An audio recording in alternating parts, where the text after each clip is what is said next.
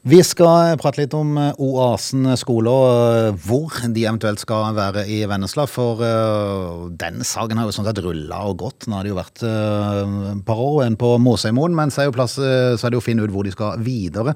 Etter gårsdagens møte i kommunale plan- og økonomiutvalget, så er det kanskje fristende å spørre er det gode samarbeidsklima mellom Senterpartiet og KrF i ferd med å rakne, Eivind Drivenes? Det er vel alltid sånn at uansett i et godt ekteskap, så er det vel uenighet av og til. det var diplomatisk sagt.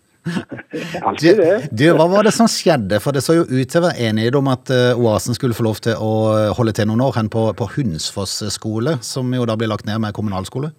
Hva, hva skjedde?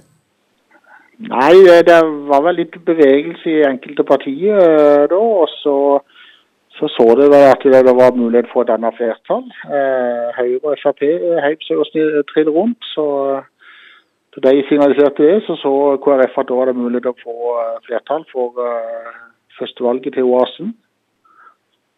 Er du, er du skuffa over KrF, eller forstår du de, at de, for det er vel kanskje det de har jobba for, sånn sett? Ja, vi er uenige om plasseringa. Mm, enkelt og greit. Ja. Hvorfor er dere imot at de skal være på, på Holte?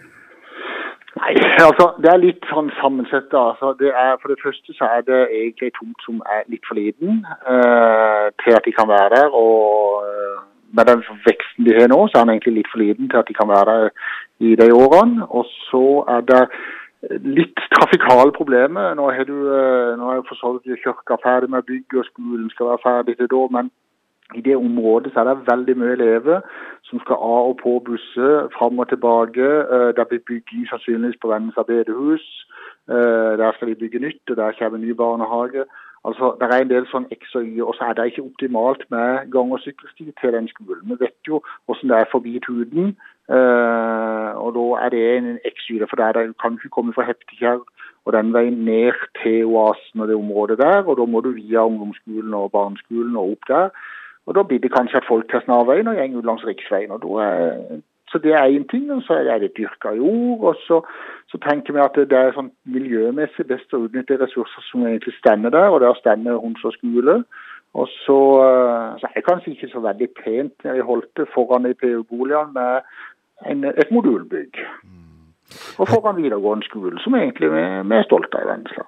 Høyre, som eh, nå har slått seg sammen med Frp og eh, KrF, eh, de var jo egentlig innstilt på å gi Oasen et par år på, på Hunsås. Er du overraska over de over at de snudde, eller? Ja, de selger jo sjela. Enkelt og greit. Nå, ja, nå har vi ikke altså, jeg, er veldig overrasket over de snudde så trill rundt. Ja.